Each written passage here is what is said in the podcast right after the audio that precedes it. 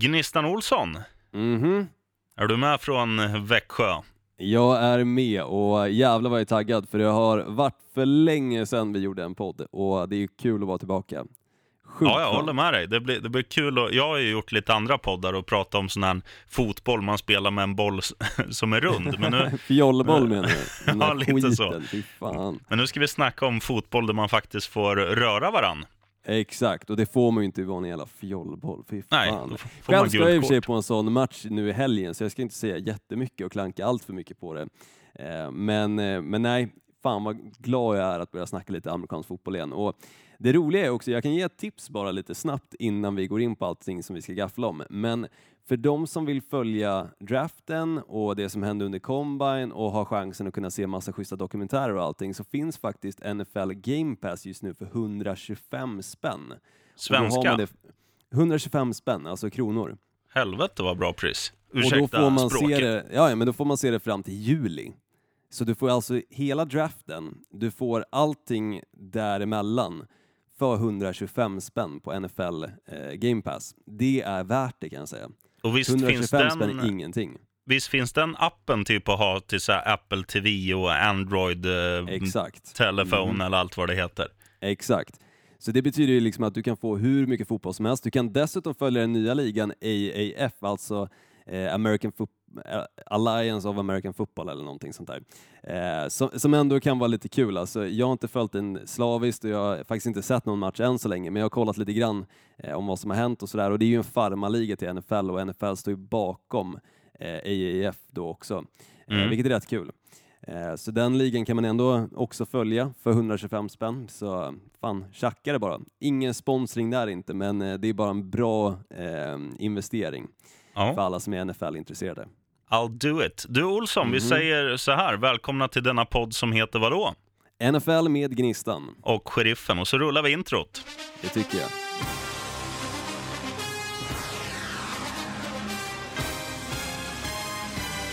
They're gonna feel that vibe. I promise y'all. They're gonna feel it. Oh, he's thrown out of bounds over on the far side, and there's a couple of penalty flags. Bra med att sjunga boom här. Gnistan Olsson. Jag visste att du skulle bomma det, för att det är helt tyst för mig. Jag sitter bara i köket och det är helt knäpptyst. och för dig är det så här, oh, here comes the boom, ready or not. Och jag var så här, ja, mhm, det här var ju spännande. Ja, Ja, det, är lång, det är långa 25 sekunder för dig att, att få vänta när introt går klart. Ja, ja, det är 25 sekunder som jag måste hålla käften och det, det är jobbigt för mig kan jag säga. Det, det händer inte ofta. Nej, det vet jag. Du, Olsson, eh, du var, Ja. inte med, du var inte med när vi summerade Super Bowl. Bara lite Nej. kort, vad Mm. dina reflektioner, nu, nu är ju det jävligt länge sedan, men har, Ja, det om, om du får koka ner det till en minuts gaffling, vad säger du om, om årets Super Bowl? Oh, en minut gaffling, alltså jag behöver inte ens en minut egentligen, för det enda jag kan säga är att den är eh, väldigt lättglömd. Mm. Eh, och det är ingen Super Bowl som man kommer sitta och titta tillbaka på och säga att fan vad gött att jag satt upp och kollade på den och dessutom fick se Maroon 5, för att allting, he, alltså hela helheten var värdelös tycker jag. Jag håller med. Eh, det var ingen Super Bowl-match, utan det var ungefär som Bills när de mötte Jacksonville Jaguars förra året, eller förra, förra året blir det nu i slutspelet, när den matchen slutade, jag tror det var 6-3 eller vad det var. Ja. Riktigt jävla risig match och absolut inte Super Bowl-standard. Så. Nej, jag, tyck, Punkt jag tyckte hela, tyckte hela alltså inramningen där i Atlanta, i alla fall det man upplevde från när man såg det från tv, kändes ganska så dystert och moloket Mm. också. Ja, men det, det kändes inte som Super Bowl, utan Nej. det kändes som vilken match som helst, bara att det var liksom två upphypade lag. Eh, och det, det var ju mycket som hände runt omkring också, men jag fattar inte varför de tillät Foo Fighters spela på lördagen inför Super Bowl som en uppladdning, snarare än att de fick spela som halftime show, för det hade varit tio gånger bättre och det hade förmodligen räddat hela Super Bowl-natten. Ja. Nej, det är Men- skit, skitskummelt. Ja, ja, det är jättekonstigt. Men eh, nej, jag säger bara att det är skönt att den är över och det är skönt att den är lättglömd också, för det är som sagt ingenting som jag kommer reflektera tillbaka på. Och, På eh, tal, om, på tal om lättglömt, du har glömt att Mm. swisha, för jag var ju bäst på att tippa Super Bowl också. ja, jag har fan glömt att swisha. Du ska få det, sheriffen, jag lovar. Eh, Stort. Jag ska fixa det. Då ska jag Så, eh, fira med hamburgaren när vi är klara här sen. Ja, men det, det tycker jag är rätt i. Jag får se. Jo, fan, jag kommer fira med köttfärssås, eller fira, sörja blir det mer för min del. Men eh, nej, jävligt skönt som sagt att vara tillbaka och köra igång och vi kommer väl försöka köra ett avsnitt så ofta som möjligt för att du ska hålla dig uppdaterad vad som händer just inför draften och också med free agency-marknaden för att den kommer ju öppna nu den 13 mars och jag är sjukt jävla peppad på att se vad som kommer ske. För det är mycket förändringar i ligan som kommer att vara inför 2019-säsongen. Ja, jag, jag sitter bara och tänker lite. 13 mars, vad blir det? Det blir nästa onsdag. Mm, det Då blir det. kanske vi kan klämma in ett litet avsnitt här på torsdag nästa vecka och se om, om det har hänt någonting. Det kommer ha hänt mycket. Så det, inte mycket bara kommer ha hänt. blir, så det inte bara blir så här. Hej och välkomna till denna podd som heter vadå? Sen bara, nu har eh, draften öppnat, eller vad säger jag, nu har free agency öppnat, men det har inte Ja. hänt något. Vi hörs om en vecka, right on. Exakt. Nej, jag tror det kommer hända hur mycket som helst. Alltså, jag tror det kommer ta bara timmar efter att eh, nya året då har inletts så kommer väldigt många spelare ha ett nytt lag. Och eh, alltså tittar man bara på, eh, NFL har släppt en så topp 101 NFL Free Agents och tittar man bara på de spelarna så är det ju spelare av rang. Alltså det är mycket stora namn och framförallt också vissa frontfigurer som kommer alltså förmodligen byta lag. Eh, och en av dem som eh, förmodligen kommer skeppas iväg till något annat lag är ju också din quarterback, Ryan Tannehill. Ja, jag jublar inombords. Ja, jag förstår det. Men det intressantaste som jag tycker ändå, när man har tittat på draften, eller på combine menar jag, vilket jag Mm. gjorde lite i helgen som var nu, inte jätteroligt att sitta och se, framförallt inte när flickvännen sitter bredvid och säger att det suger, vilket jag förstår att hon tycker. Men det som var spännande var allt surr kring Kyler Murray, den här quarterbacken som alltså vann Heisman Trophy och som det nu ryktas om att Arizona Cardinals, som med sitt first round pick förra året valde Josh Rosen, kommer istället med sitt first round pick och first overall dessutom att välja Kyler Murray, alltså en ytterligare quarterback och i så fall göra sig av med eh, Josh Rosen. Och då Mm. blir det intressant att se vart han hamnar. För att plockas man i första rundan så ska man ju inte vara så risig så att man gör sig av med den spelaren året därpå. Nej, men eh, tro, det är väl så att han har ju, när, du- när du kommer in på rookie-kontrakt, du har ju inte bara ett år, utan han, han kommer ju fortfarande tillhöra Cardinals. Så tar de då den här nya eh, quarterbacken som är tippad att gå etta, så, så är ju... Alltså det, för Arizona är det ju bättre att ha båda och se Rosen kanske hittar tillbaka det, det som gjorde att han gick högt i draften om han får lite sparring nu och lite motstånd under försäsongen. Ja, alltså, jag tror inte det kommer ske att de behåller bägge spelarna, utan jag tror att de kommer i så fall, väljer de att ta Kyler Murray som first overall, då kommer de att satsa helhjärtat på honom och göra sig av med Josh Rosen. Men det som jag tycker är intressant är att man ger Josh Rosen det sämsta laget i ligan och han får ett år på sig. Ja. Eh, Och han kliver dessutom in som backup till att börja med från Sam Bradford som var ännu sämre än vad Josh Rosen var. Och jag skulle inte säga att han hade en skitdålig säsong. Visst, han hade inte, den- långt ifrån den bästa var det ju såklart, men Mm. det finns ju fortfarande potential där. Men han hade ju inte riktigt spelarna med sig. Han hade en offensiv linje som var helt värdelös och som lät han bli sackad alltså åtta gånger per match kändes det som. Han hade ingen chans att leverera på en bra nivå eller för den delen visa faktiskt vad han gick för. Mm. Och det tycker jag då är fel att man kanske så snabbt väljer att skicka iväg honom och de kommer i så fall om de skickar honom att kanske få ett third round pick. Det är det som är snacket. Ja, det, och det är det som är... Det, det är ju verkligen som att köpa en champagne och få en lättöl. Liksom. Det är ju, Mm. jag vet inte hur man ska förklara, men, men det är ju... Det är ju jävligt dumt om de inte ger honom en chans att bevisa sig. För att det är ju som, som du säger, när, när du kommer in och täcker upp då för Sam Bradford när han går ner sig eh, och, och du kommer i ett lag där du, där du liksom inte har några, ja, väldigt få i alla fall, medspelare som, som är bra. Eh, då är det ju väldigt svårt för dig att glänsa när du själv är lite valpig och ny i, i kostymen. För tittar man på alla de här som kom in under året. Det var ju eh, Josh Allen i Bills är ett jättebra exempel. att Han, han, var ju ingen, han hade ju ingen självförtroende i början, men sen när han fick, liksom, när laget växte så att de, de steppade upp sin, det var ju framförallt deras defensiv som var eh, ganska okej eh, stundtals under året. Och när han då fick lite, lite draghjälp av sin offensiva linje så att han själv kunde springa med bollen och skaffa sig själv självförtroende. Och då såg man ju att det där är ju en, det där är ju en jättetalang. Och samma, samma liksom fundament finns ju i Josh Rosen också, tror jag. Och Ja. eh, det gäller bara att få ut det. Och, och du får ju ut det genom att ge han, antingen att ge han förtroendet eller ge han chansen. För att om du tar den här eh, Murray som du nämner, då blir det ju så här att eh, det kan ju hända honom någonting. Vi säger att ja, de tar han etta, sen åker han till Bahamas och snorklar och så sväljer han en svärdfisk och dör eller eh, trampar på en sjöborre eller vad fan som helst. Då har du ju, då har du ju Rosen eh, kvar istället för att så här, jaha, då måste vi ut och jaga någon ny. Jaha, vi råkade få ja, vad vet jag, någon skitdålig quarterback bara för att vi måste ha någon. Det är Mm, bättre nej, att men- ge, ge dem konkurrenssituation, för det tror jag de Nej. växer av. Nej, men jag, jag tror inte man kan ha två stycken first round pick quarterbacks som ska battlas emot varandra. Alltså, vi såg ju till exempel hur dåligt det gick när de försökte med ungefär liknande situation i Denver Broncos för några år sedan. När de hade Paxton Lynch, de hade, eh, nu kommer jag inte ens ihåg namnet, det kanske till och med var Sam Bradford och sen hade de Osweiler. Eh, Osweiler, precis. De tre quarterbacksarna fick ju chansen att battla om vem som skulle då eh, få startingpositionen och det gick ju åt helvete.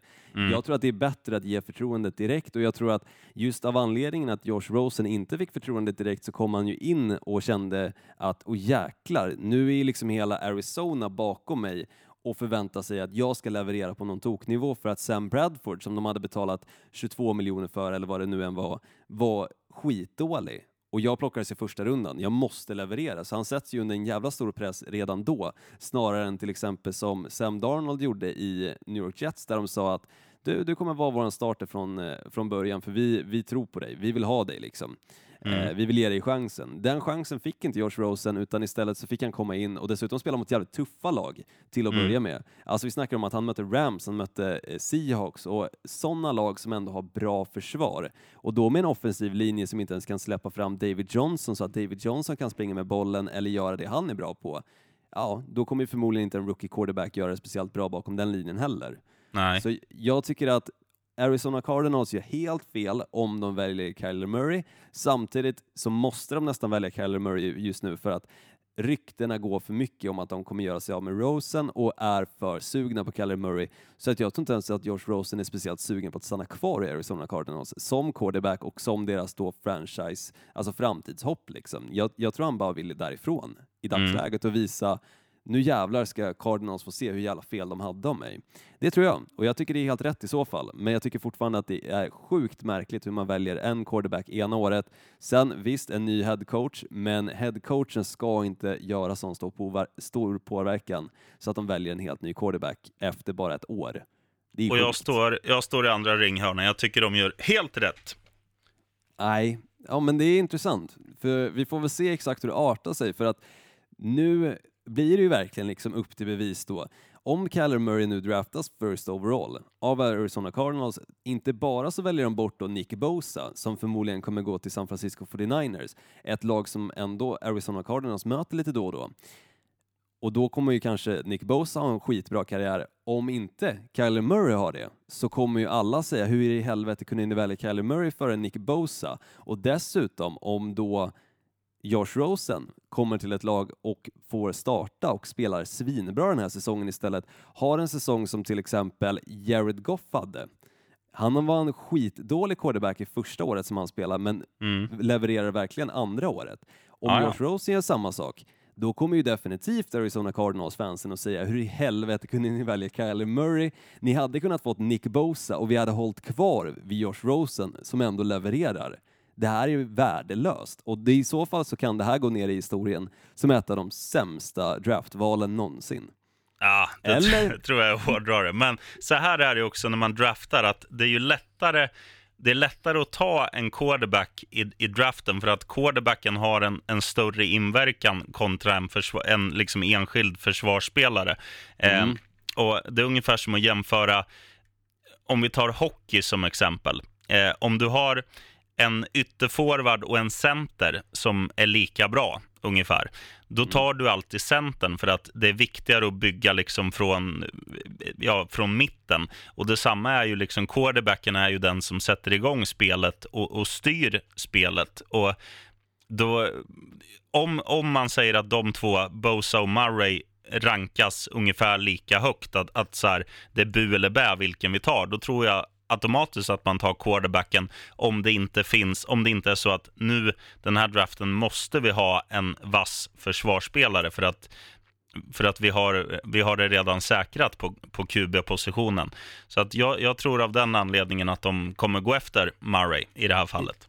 Jo, men jag måste bara lägga till en sak som är ganska intressant gällande Murray. Innan Combine så var Murray typ trodd att gå kanske som max, alltså tidigast 15 val ungefär.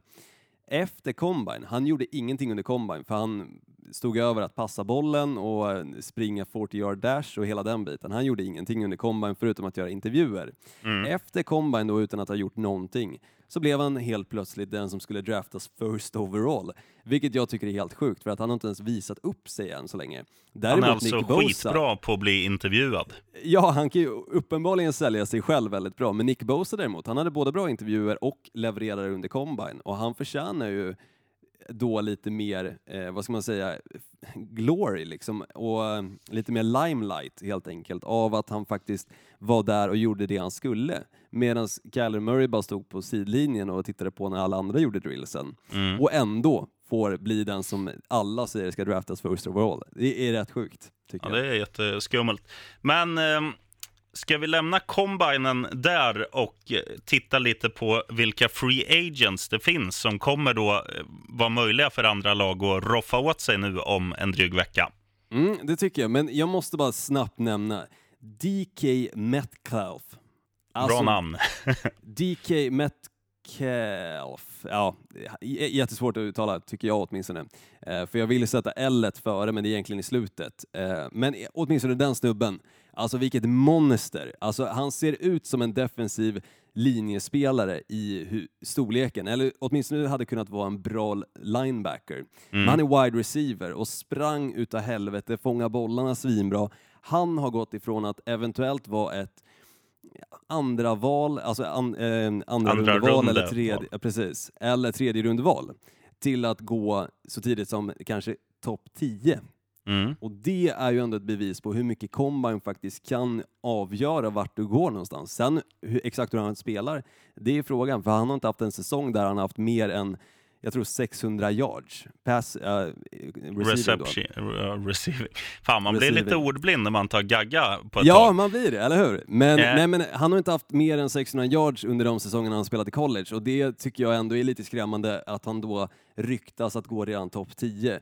Men jag vet tror varför. att de som plockar honom kommer kanske åka på en bast. Men jag vet varför, Olsson. Varför? Det är så här, det finns några som, som tänker lite som jag.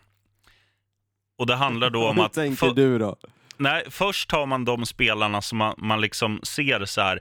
Den här spelaren är duktig och den här har potential. Den här kanske inte har vuxit färdigt och den här, ja men du vet, lite sådana grejer. Men de ändå har en grundtalang. Mm. Nästa steg är att ta de här med jävligt coola namn. Vet du varför? nej. Så här nej. är det. Om man föds och heter som du och jag, Gnistan Mm. Olsson eller Sebastian Larsson, liksom. det är ju så här, Mm. vi, vi är ju inte födda för att leva upp till något coolt namn. Men Nej, de, här som, de här som heter, som, vad hette han nu igen? DK Metcalf.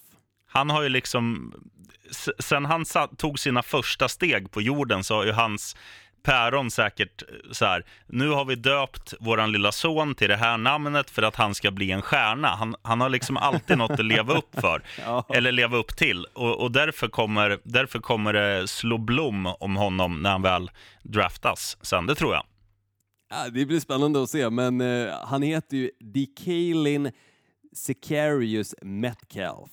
Vilket jävla namn. Ja, det är, Det är faktiskt coolt namn, det är coolt namn. Ja, det är det.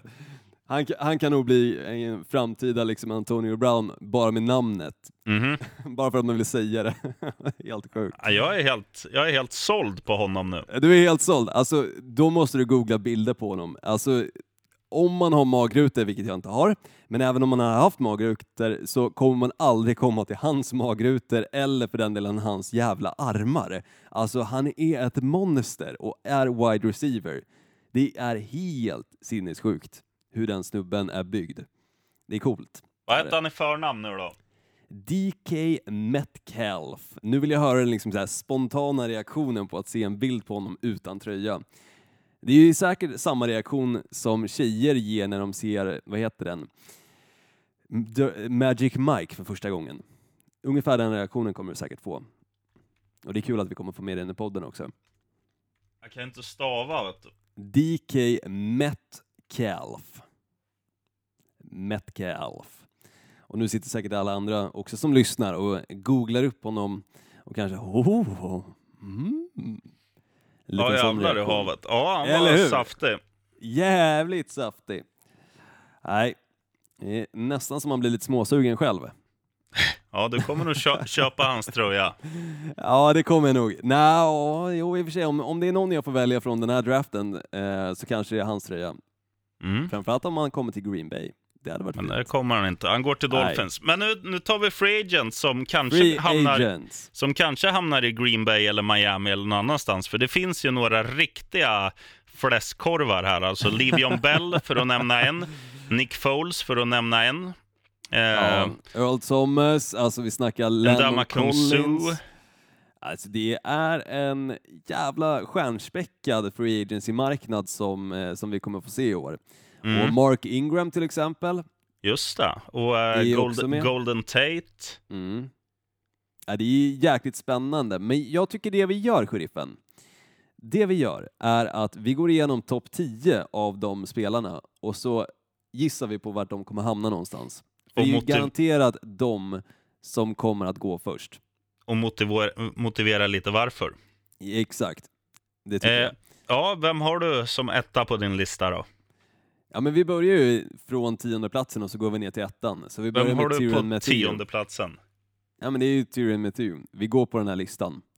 Så Honey Badger, alltså safety som först och främst har spelat väldigt många år i Arizona Cardinals och sen valde de att göra sig av med honom och istället så gick han då till Houston, Houston. Texans. Och han hade ju ändå bra säsong i Houston Texans tycker jag. Han var ju absolut inte dålig och är fortfarande en bra safety. Så att de egentligen bara signar honom på ett års kontrakt fast han är 26 år gammal tyckte jag var lite märkligt, men samtidigt han har haft väldigt mycket skador. Men jag ser fortfarande hans potential och framförallt vad han kan bidra med till ett lag.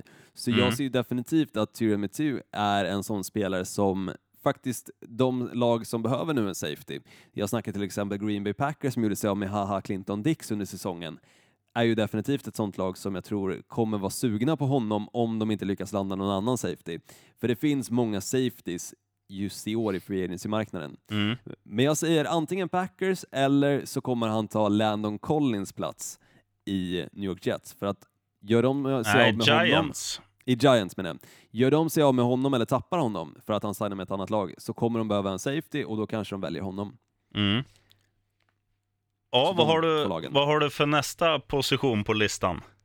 Ja, men då är det Sheldon Richardson, en defensive tackle i Minnesota Vikings och jag skulle inte säga att han är den spelaren som jag kanske tycker är superattraktiv så, men samtidigt en spelare som definitiv, definitivt kan bidra rätt bra till laget och framförallt övriga defensiva linjen. Sen att han kanske inte gör jättemycket själv i en annan femma, men han sätter tillräckligt mycket press på offensiva linjen för att kunna få andra spelare. Han kanske till exempel plockar på sig två offensiva linjemän snarare än vissa andra som plockar på sig en, för han är rätt köttig den här snubben. Mm. Eh, och jag ser med tanke på att Endon Sue förmodligen kommer försvinna ifrån Los Angeles Rams så kanske det finns en chans att Rams ändå är sugna på just Sheldon Richardson.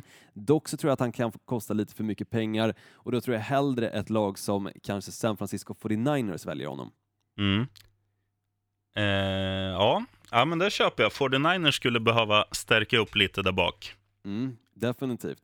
Och några som behöver förstärka upp på linebacker-positionen, för här är tre kommande spelare i linebackers. Då snackar vi KJ Wright, vi snackar CJ Mosley och Anthony Barr.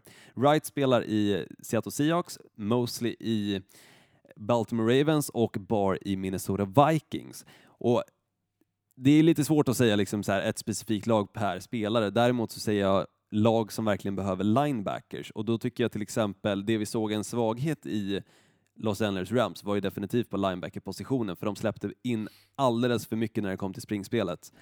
Så en linebacker kommer de definitivt att behöva och då tror jag att CJ Mosley kanske är den spelaren som kommer vara billigast att få till Ja. ett bra kontrakt med. Och jag, Anthony- jag tror, om jag bara stoppar dig på Mosley där, jag tror att han kommer bli kvar i Ravens. Och anledningen är för att Ravens känns som att de har någonting på gång. Så är det ju också, definitivt. Det är också en stor potential att han faktiskt blir kvar där också. Sen Anthony Barr vet jag att det har ryktats ända sedan säsongen tog slut att han kanske kan vara en sån spelare som Green Bay Packers väljer. Men problemet är ju såklart att han har spelat i Minnesota Vikings och det är inte direkt poppis att ta ifrån ärkerivalen. Så istället så tror jag att kanske beroende på vad situationen blir med KJ Wright så kanske Seattle Seahawks väljer Anthony Barr istället. Eller så försöker de att behålla lite liv i Jacksonville Jaguars försvar och plocka Anthony Barr dit. Mm. Och KJ Wright, lite frågetecken, kan hamna där någonstans emellan. Next! Landon Collins då, safetyn. Som jag nämnde så är han ju förmodligen den safety i free agency-marknaden, eller på free agency-marknaden, som är absolut mest åtråvärd att få. Och Sen han är kommer också ju den som är i, i bäst ålder. Ja, och han kommer ju definitivt också vara dyrast. Inte jättemycket skador har han haft och han har spelat bra i New York Giants också och jag förstår inte riktigt varför de inte franchise-taggar den här snubben. Såklart så kommer Giants försöka att fixa ett kontrakt med Landon Collins, annars är de dumma i huvudet. Men Ja. gör de inte det så tror jag definitivt att han kommer hitta ett bra lag som kommer ge honom ett ganska saftigt kontrakt på, jag ska inte svära, men kanske 17 miljoner per år åtminstone är lagom. Jag, jag tror ju han går till Seahawks om inte de lyckas förlänga med Earl Thomas som också är free agent. Absolut, så är det. Men samtidigt så ser jag ju också till exempel ett lag som Oakland Raiders som har väldigt mycket cap space, kan också tänka sig att kanske plocka på en safety som är lite bättre. Däremot så ser jag väl chansen större i så fall att just Oakland Raiders kanske väljer Sheldon Richardson med tanke på att de behöver den där defensiva linjen som de helt tappade när de gjorde sig av med ehm, Khalil Mack. Mm. Där behöver de en spelare och då kommer i och för sig tredjeplatsen Trey Flowers dit också, men han kommer vi in på snart. Men Landon Collins, definitivt en spelare som kommer vara jäkligt åtråvärd och exakt vart han kommer hamna är jävligt svårt att säga med tanke på att det är en sån spelare som även lag som har en helt okej safety kan tänka sig att plocka upp. Mm. Ehm, Så eh, jag passar lite på den. Den nästa spelare är lite lättare skulle jag ändå säga och där får du kanske antingen stoppa mig eller hålla med, men det känns som att det finns en destination för Nick Foles som känns given och det är Jacksonville. Jaguars. Nej, Jacksonville Jaguars, eller Miami Dolphins för den delen. Men det är åtminstone något av Florida-lagen. Mm. Han kommer inte åka någon annanstans än till Florida och efter att han kommer fixa en bra run mot Super Bowl för det laget, eller åtminstone till slutspel, och kanske spela där i tre års tid, så kommer att han, han att pensionera sig och han kommer göra det i Florida och ha det jävligt gött resten av livet. Ja, han kommer han ha kommer sig långt dit. till pension då. Eh, alltså svensk pension. Han är 30 nu tror jag, Nick Foles. Han kommer vara 33 då om han skriver på treårskontrakt och går i pension.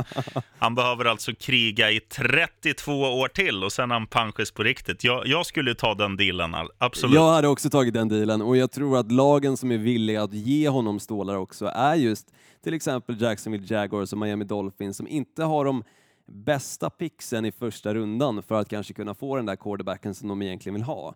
Utan Giants ligger ju lite bättre till där och sen är det ju lite ryktat också om att eventuellt Oakland Raiders väljer en ny quarterback och gör sig av med Derek Carr, men det ser jag som ganska osannolikt att det skulle ske. Men jag ser Miami Dolphins eller Jacksonville Jaguars för Nick Foles del. Och då tror jag faktiskt att Jacksonville Jaguars ligger steget före för att kunna få Nick Foles. Och jag tror tvärtom. Jag tror Dolphins för att ehm, jag tycker ändå att de Många av de yngre spelarna i Dolphins känns som att de liksom har visat, om vi tar eh, Minka Fitzpatrick, vi tar, eh, alltså Kenny Stills är inte jättegammal, och sen eh, eh, våran kompis Drake där på running back-positionen. Det finns ju en ung stomme i Dolphins som faktiskt är jävligt duktig och, och skulle de få in då Nick Foles som är lite mindre av en vattenspridare än Ryan Tannehill så att man faktiskt är... Eh, att, man, att man kan ha, vad ska man säga, anfall 50% av matchen istället för att för, tvingas försvara sig 75% Då kommer alla få Mm, vila ja. lite och jag tror att eh, vi kan få se en bättre säsong hos Dolphins. För det, det är inte ett skitlag egentligen, utan det, det bara blir så tack vare att vi aldrig får fram en QB. Vi har inte haft någon som Dan Marino. Det här är helt sjukt. Och det börjar bli lite pinsamt, ungefär som det var för Cleveland Browns tills de nu fick Baker Mayfield. Mm. Och än så länge under offseason så har han inte gjort någon tabbe heller så att han ska ifrån NFL, så det är skönt, det är Ja. skönt att se för Clevelands del. Men eh, nej, jag håller med. Alltså, det är Jag inget dåligt lag i in- Dolphins. Jag måste sticka in en grej till som, som jag tror gör att Ja, det är väl samma i, i Jacksonville, men vi tar det, oavsett vart Nick Foles går, så är ju han, han, han har ju vunnit Super Bowl. Han, är, han kommer komma in som den här, han kommer komma in och vara the shit, eller han kommer vara den, ohot, den ohotade ettan. Men Ja. samtidigt så, så har man ju märkt det nu när Carson Wentz kom fram i Philadelphia, att, att Foles kan ju också köpa rollen och vara backup om det kommer någon sån här riktig storfräsare. Vi säger att Jacksonville tar Foles, kritar på tre eller fyra år och sen om två år så, så kommer det fram en ny Tom Brady eller något som de tar. Eh, och att han då ska gå in istället. Jag, jag tror ändå att det spelar in på kontraktslängden, att han kan också köpa och vara backup, även om han inte vill det. Men han ställer ju inte till med en scen och sånt där som vissa andra när de inte är eh, liksom etta på eh, depth charten. Nej, så är det ju definitivt. Men jag tror däremot att Nick Foles kommer ju vara en sån spelare, precis som vi såg med Kirk Cousins, som kommer bli överbetald. Och jag Ja, tror ja. inte han kommer leva upp till den eh, prissumman som de kommer signa honom på heller. För det intressanta är ju att han tog ju 7 miljoner att stanna kvar i Philadelphia Eagles snarare än då testa sig förra året på Free Agency-marknaden för att se vad han eventuellt var värd. Och då var han ändå MVP från Super Bowl. Ja, Eh, och det är ju inte jättemycket som har ändrat sig nu heller. Frågan är egentligen bara liksom, hade hans värde varit annorlunda om de nu hade tagit sig till Super Bowl och vunnit år igen? Ja, förmodligen. Men Yes. nu i och med att de inte gjorde det så tror jag man har inte sett tillräckligt kanske av Nick Foles för att verkligen kunna säga att han är konsekvent och kan vinna matcher och ta ett lag till slutspel. Visst, när det verkligen gäller så kan han kliva in, men det är också mycket laget, tränarstaben som gör den där skillnaden också. Det är inte bara Nick Foles som person. nej, nej. Så kommer han till ett annat lag som till exempel Jacksonville Jaguars eller Miami Dolphins så kan det lika gärna vara pannkaka. Och det blir Nej. intressant att se. Eh, Absolut, men, men samtidigt om man bara skulle få valet eh, rakt av, så här, behålla Tannehill eller Bortles då i, i Jacksonvilles fall, eller slänga in Nick Foles, det är klart som fan man tar Foles, oavsett om man kanske får betala dubbla pengarna. Om jag säger så här då, sheriffen, du får det här valet. Du får Foles för dubbla pengarna. Eller så behåller du Tannehill, eller så gör du dig av med ett second round pick och ett third round pick för att få Josh Rosen. Vad Nej, väljer du? Jag hade, jag, Eller hade vi säger bara ett second round pick, ett, bara ett second round pick jag hade gått på Foles ändå, för att jag tror att, jag tror att han kan, jag kan, tror han kan spela rätt schysst i, i alla fall tre, fyra år till. Och sen tror jag att det kommer komma fram någon, eh, någon QB i draften som Dolphins eh, kommer liksom ha lite tur med. För det måste vända. Man kan inte ha otur liksom i 30 år på Det raken när man det kommer kan. till att drafta. QBs. Det är det man kan, det är det som är det sjuka med NFL. För att det är också det som är så intressant, för att just när det kommer till Combine, precis som jag var inne på, en spelare som inte gör någonting under Combine blir helt plötsligt rankad best overall. Alltså Ja. den spelaren som ska gå first overall. Det är sinnessjukt. Och Det är det. så tittar man på andra spelare som levererar helt okej, men det är ingen quarterback egentligen i den här draften som glänser precis på samma sätt som vi kanske såg förra året när vi hade Sam Darnold, Josh Rosen, kanske inte den som glänste absolut mest, men Josh Allen och också Baker Mayfield. Förra årets quarterback quarterback, eh, vad ska man säga, kompott i draften var ju betydligt mycket bättre än vad den är i år. Ändå så är det liksom folk väldigt jag vet inte, skygga liksom med att försöka se värdet till, eller dumma skulle jag nästan kalla dem, att se värdet till liksom en quarterback bara för att, ja, vi har tio stycken quarterback här, vem är bäst? Ja, men den här snubben är den bästa. Ja, okej. då väljer vi honom first overall. Inte Mm. typ så här, ja fast kan den här snubben leverera på fem års tid? Ja, kanske. Eller kan den här andra snubben som vi redan sitter på leverera i tre års tid och sen kanske vi hittar en annan om två år? Det är dumma val tycker jag. Ehm, Mm. och jag, jag tror att årets draft kommer vara väldigt intressant av anledningen att jag tror att det kommer bli lite busts. Jag tror att vi kommer sitta och säga att år 2019s draft var inte alls lika bra som 18, 17, 16 eller 15 för den delen, utan det här kan vara 2000-talets sämsta draft kanske. Säger man inte det varje år? Nej, jag ska inte säga det. Jag har inte sagt det förr i alla fall. Det är helt nya ord som kommer ur min mun det här året. Samtidigt så har vi inte pratat jättemycket om drafts tidigare, men, men jag skulle nog säga att eh, det, det här, det luktar lite fishy när det kommer till just quarterback-positionen åtminstone. Mm. Ja, vi får se. Vi återgår till listan, Olsson. Vad Ja. har vi för plats nu? Trey Flowers står på plats nummer tre, defensive linjeman som har spelat i New England Patriots, alltså vunnit Super Bowl dessutom. Och Mm. jäkligt bra spelare också, väldigt explosiv, men lyckades inte riktigt leverera under ordinarie säsong utan kom mest fram i slutspelet. Och då var han jäkligt dominant i och för sig under slutspelet och satte sjukt stor press på till exempel Patrick Mahomes och dylikt. Mm. Och visade verkligen att han, han var en bra defensiv linjespelare. Men jag tycker inte att han riktigt visade sitt värde under säsongen och jag tror också att det kan vara en sån spelare som kommer bli lite överbetald. Och jag tror inte att New England Patriots, av just den anledningen, att de såg att okej, han kan spela jättebra under slutspelet, men vad gjorde han egentligen under ordin- ordinarie säsong? Nej, inte så mycket, så vi kanske gör oss av med honom. Jag tror inte att han kommer stanna i New England Patriots, för de är inte de som är skygga med att göra sig av med spelare, framförallt inte om de får rätt betalt. Men jag tror att Nej. de kommer försöka trada honom och inte eh, se vad han riktigt går för på free agency-marknaden.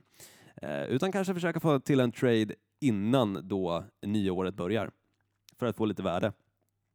Ja, men så funkar det inte, vet du. Så funkar det visst, och det är förmodligen det som kommer ske med Antonio Brown också. För Antonio Brown kommer förmodligen bli tradad före ehm, free agency-marknaden öppnas.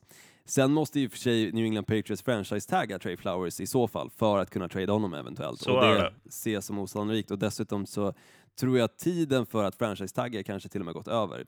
Ehm, Mm. Så jag drar tillbaka det där. De, eh, de gör sig nog bara av med honom, helt enkelt. Ja, och vart Punkt hamnar han? Var han hamnar är ju också en sån här svår fråga, för just defensive linjespelare är ju spelare som väldigt många lag behöver just nu. Och det är samtidigt också det intressanta, för att det är väldigt många bra defensiva linjespelare i årets draft. Mm. Många som verkar ha bra potential och kunna bli, alltså, vad ska man säga, bra spelavgörande spelare helt enkelt. Mm. Så jag tror det kommer lite sätta prislappen på Trey Flowers kanske, oavsett att han kommer, jag tror, överbetalt så kommer den kanske inte bli snuskigt överbetalt som vi snackar Kirk Cousins nivå liksom. Eh, fast då defensiv linjespelare. Utan jag tror att ändå ett lag kommer ge honom en hyfsad peng och jag vet inte exakt vilket lag det skulle vara. Jag säger helt ärlig. Ja, det tror jag inte. Jag tror, jag tror inte Giants, för de, de floppade förra gången de tog Nate Solder till exempel förra året, en O-line-spelare då, från just New England Patriots och lite på samma premisser. Han hade spelat väldigt bra kanske just i slutspelet och vissa matcher, men kanske inte haft den här liksom konstanta nivån av att spela väldigt bra. Och då signade Giants på ett stort kontrakt för Nate Solder och visade sig sen att han inte höll måttet alls för att Eli Manning var väldigt sackad förra året och Mm. eh, han hjälpte inte speciellt mycket till där på sin position. Eh, Så jag tror inte Giants kommer vara det laget som kanske plockar honom. Däremot grannlaget, eh, då snackar jag om New York Jets kanske ska vara ett lag. Och det beror helt och hållet på då vad som egentligen händer med Le'Veon Bell. För att Jets verkar vara också i diskussionen att kanske plocka Le'Veon Bell. Så Trey Flowers kanske till Jets beroende på vad som händer med Le'Veon Bell. Mm. Och jag säger Giants. Eh, vart hamnar Bell då? Det är ju den stora frågan, men innan vi går in på Bell, som är egentligen den största frågan tillsammans med såklart Antonio Brown under, det här, eh, kommande, eh, under de här kommande månaderna, eller kanske bara någon vecka fram. Men Earl Thomas börjar vi med tycker jag. Seahawks. Ifrån Seattle Seahawks. Han har ju haft en riktigt bra säsong, Ja, men han är gammal. han är gammal, jag- han är 30. Ja, och jag tror inte han har jättemycket kvar att ge tyvärr. Och han har också haft ganska mycket skador. Jag tror att hans värde kommer inte alls vara speciellt bra och jag tror också det är lite därför just Seattle Seahawks väljer att se vad han är värd på free agency-marknaden. Kanske signar honom till en paycut just för att få tillbaka honom i laget. För han kanske inser att nej, men jag får inte speciellt mycket eh, betalt för att kliva ut på free agency-marknaden. Men nej, det är jättesvårt att säga vem som skulle vara intresserad av en 30-årig skadedrabbad safety. Dock med hans namn Earl Thomas så, så kommer han nog kunna eh, få ett skapligt kontrakt någon annanstans eventuellt. Mm. Eh, Men jag har jättesvårt att se vilket lag det skulle vara som är supersugen på en 30-årig eh, safety. Definitivt inte Oakland Raiders som bara satsar på folk i eh, under 25 år. Mm. De kommer Nej, inte jag, plocka honom. jag tror han blir kvar i Seahawks, för lite som du säger att de, de kommer väl syna något bud om det inte är ett bud som är alltså, Allt för alldeles liksom. för mycket Mm. betalt. Och, och då tror jag också att, nu, nu kan ju inte jag hela hans släktträd, men jag tänker att eh, när man är runt 30 där borta, då är man ofta gift och har barn. Och Mm. och det är sådana grejer som spelar in också, familjesituation, att man vill inte släpa bort ungarna om de trivs i skolan och har massa polar och sådär. Eh, och, och jag tror ju också att, eh, jag tror att de som spelar i Seattle trivs jävligt bra för att det är sånt ös Mm. på Ja, deras jag matcher och sånt där. Det tror jag med. Så han blir kvar. Men, ja, mycket möjligt att han faktiskt blir det. Jag, jag tror lite det och just av anledningen att han är 30 år, skadedrabbad, free agency-marknaden kommer inte vara speciellt, eh, vad ska man säga, han kommer inte vara jätteattraktiv på den, även om han rankas som den näst bästa då i hela free agencyn så, så tror jag ändå folk kommer ha mer i tankegången när de faktiskt tittar på honom. Ja. Så, till den stora av de stora, Levion Bell. Det här är ju det intressanta. Han har precis fyllt 27 år. Spelade inte under hela 2018 års säsong. Men ändå så är ju han fortfarande den spelaren som är absolut mest eftertraktad på hela free agency-marknaden. Mm. Och det blir jätteintressant att se vart han hamnar någonstans. Jag tror att till exempel ett lag som han också hintat lite grann faktiskt idag om på Instagram, nämligen Kansas City Chiefs, kan vara laget som han hamnar hos. För 27-årig gammal Le'Veon Bell, för ett lag som på grund av att de gjorde sig av med Kareem Hunt, på grund av det han gjorde då under eh, januari månad förra året, så tappar de lite den här edgen som de hade när de väl klev in i slutspelet, nämligen att ha den här bra running backen också. Mm. Får de då en spelare som Le'Veon Bell, då tror jag definitivt att chanserna för att Kansas City Chiefs ska gå till Super Bowl har ökat med åtminstone 10 procent. Ja, ja, jag är helt med dig. Och jag, jag tror också att eh, skulle jag få välja en destination för honom så, så hade jag nog också sagt Kansas City. För att man, man vet ju att det finns ju vissa spelare som, som spelar enbart för pengar och så finns det vissa som spelar för att vinna. Och jag tror att, eh, jag tror att Bell är... Ja, jag tror han är en kombination av det där, men jag, tror, att, jag tror att han är en vinnarskalle. För att det, det krävs jävligt mycket att, bara sätta sig på tvären och säga nej, jag tänker fan inte spela om inte det blir så här och så här och så här. Eh, och sen, nu, nu har ju han suttit och tittat på Kansas City, hur, hur de har liksom sett ut under säsongen. Och med Mahomes så vet man ju, de, de kommer ju ta en Super Bowl närmsta fem åren i alla fall. Ja, Eh, om, inte om de får behålla stommen. Och Ja. kan, de, kan de då krydda med en av de bästa running backsen i modern tid, då är, då är det ju bara, ja, då är det bara fritt fram och roffa åt sig den där. Så att, eh, hade jag varit Bell så hade jag gått till Kansas. Hade jag varit Kansas hade jag gått efter Bell. Ja, jag håller med dig fullt ut. Och eh, det är därför det är så kul också att han slängde upp den här Instagram-posten som hintar lite grann att ja, det kanske blir Kansas.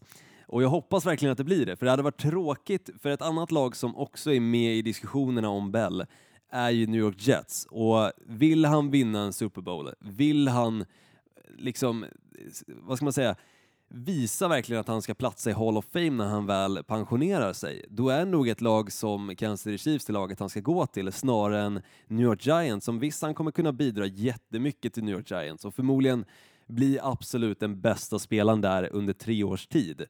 Men han kommer inte ha en vinnande säsong. Han kommer inte ha det kul där. Och staden New York, visst det kommer vara svinhärligt att kanske bo just där, men just laget tror jag inte är attraktivt för Le'Veon Bell, för att precis som du säger, han är en liten kombination av vinnarskalle och också pengarna styr vart jag går. Mm. Och jag tror pengarna styr vart jag går kanske hamnar strax under om man ändå känner att just vinsten av, eller känslan av att kunna vinna en Super Bowl är desto större och då tror jag han går till Kansas, definitivt. Ja. Och det var väl Ja. de spelarna som är egentligen topp 10 då. Eh, sen finns det ju så jävla många andra, som vi var inne på.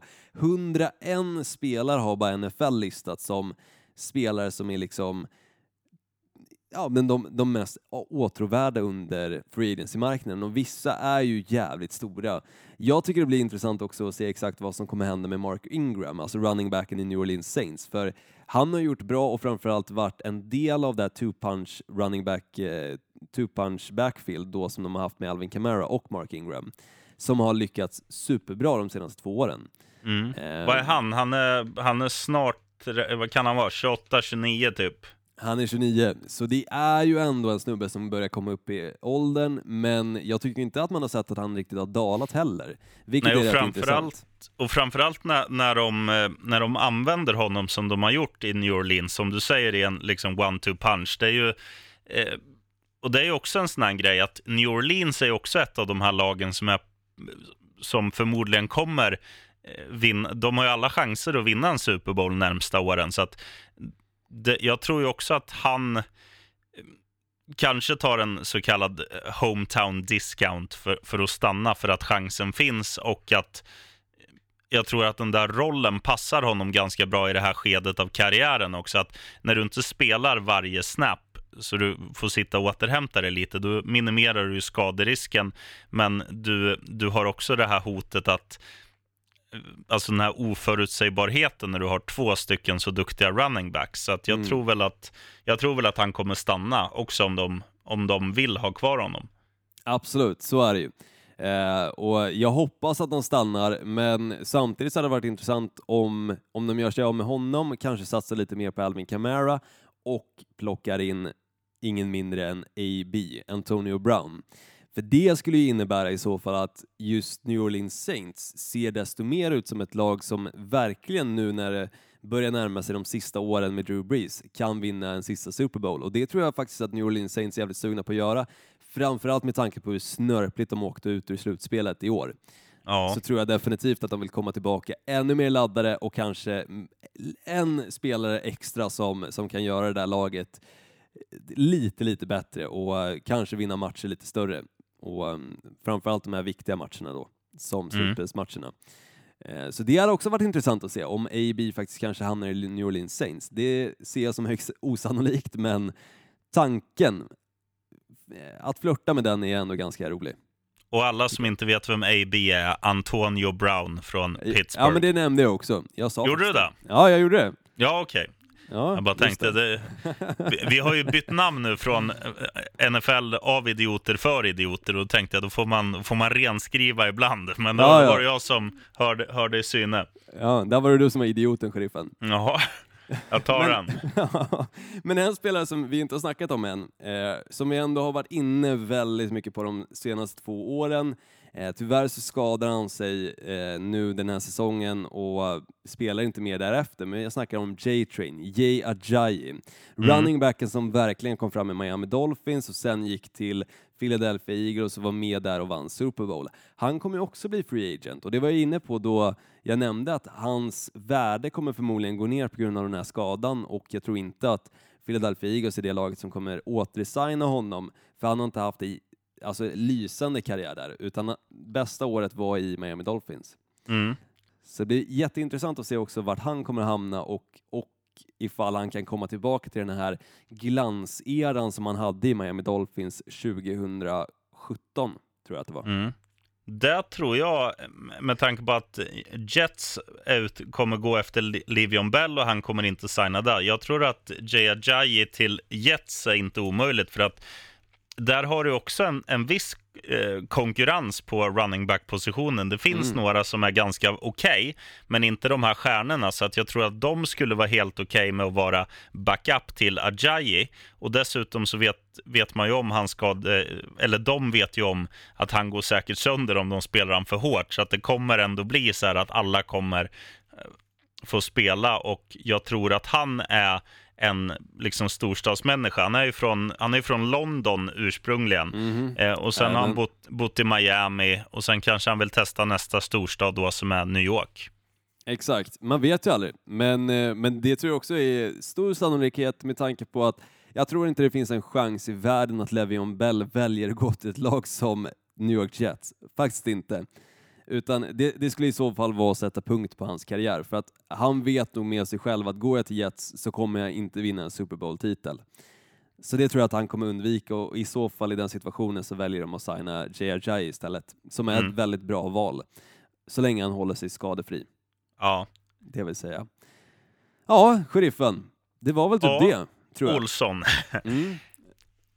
Gött att snacka lite fotboll igen tycker jag. Jävligt, Mm. jävligt gött. Och eh, vi kör ju som sagt nästa vecka också, förmodligen på torsdag då, precis som denna vecka, Mm. för att snacka då lite om ja, exakt vad som har skett i Free Agency-marknaden från den här veckan. För då kommer Ja. ju marknaden ha varit öppen i, inte Ett 24 dygn. timmar med tanke på, nja, med tanke på att vi ändå spelar in svensk tid och marknaden öppnar eh, 13 amerikansk tid så vet jag inte exakt hur, hur många timmar det kommer ha gått, men det kanske bara Men, gått 12 timmar däremellan. Det är ju så här också att när, eh, när fönstret öppnar, de flesta dealerna, eller många dealer är redan klara. Det är bara att de Ja. liksom inte får offentliggöras förrän fönstret öppnar. Så att det kommer nog finnas ett 20-tal signerade kontrakt skulle jag tro, när vi pratar Det- nästa vecka. Det tror jag definitivt och eh, det kommer bli jäkligt intressant att se vart många av de här spelarna hamnar och det som jag tycker som sagt är absolut roligast är ju utseendet på lagen och då snackar jag om ansiktet utåt, vilket oftast är quarterbacken. Kommer ju, det utseendet kommer ju vara väldigt förändrat till säsongen när vi kommer, går in i 2019-säsongen. Ja, ja. Och det kommer vara kul. Mycket kul. Jävligt kul. Olsson, lyssna på det här. Det var en plomb. Nu måste jag till Käftis. Ja, gör rätt i sheriffen. Köp din burgare nu också, ska jag swisha dig. Om jag Hjälte. kommer ihåg. Jag kanske swishar dig nästa vecka. Jag, släng, jag slänger på outrot så surrar vi off-pist. Det låter bra. Skål! Right on. Hörs om en vecka. Det gör vi. Hej.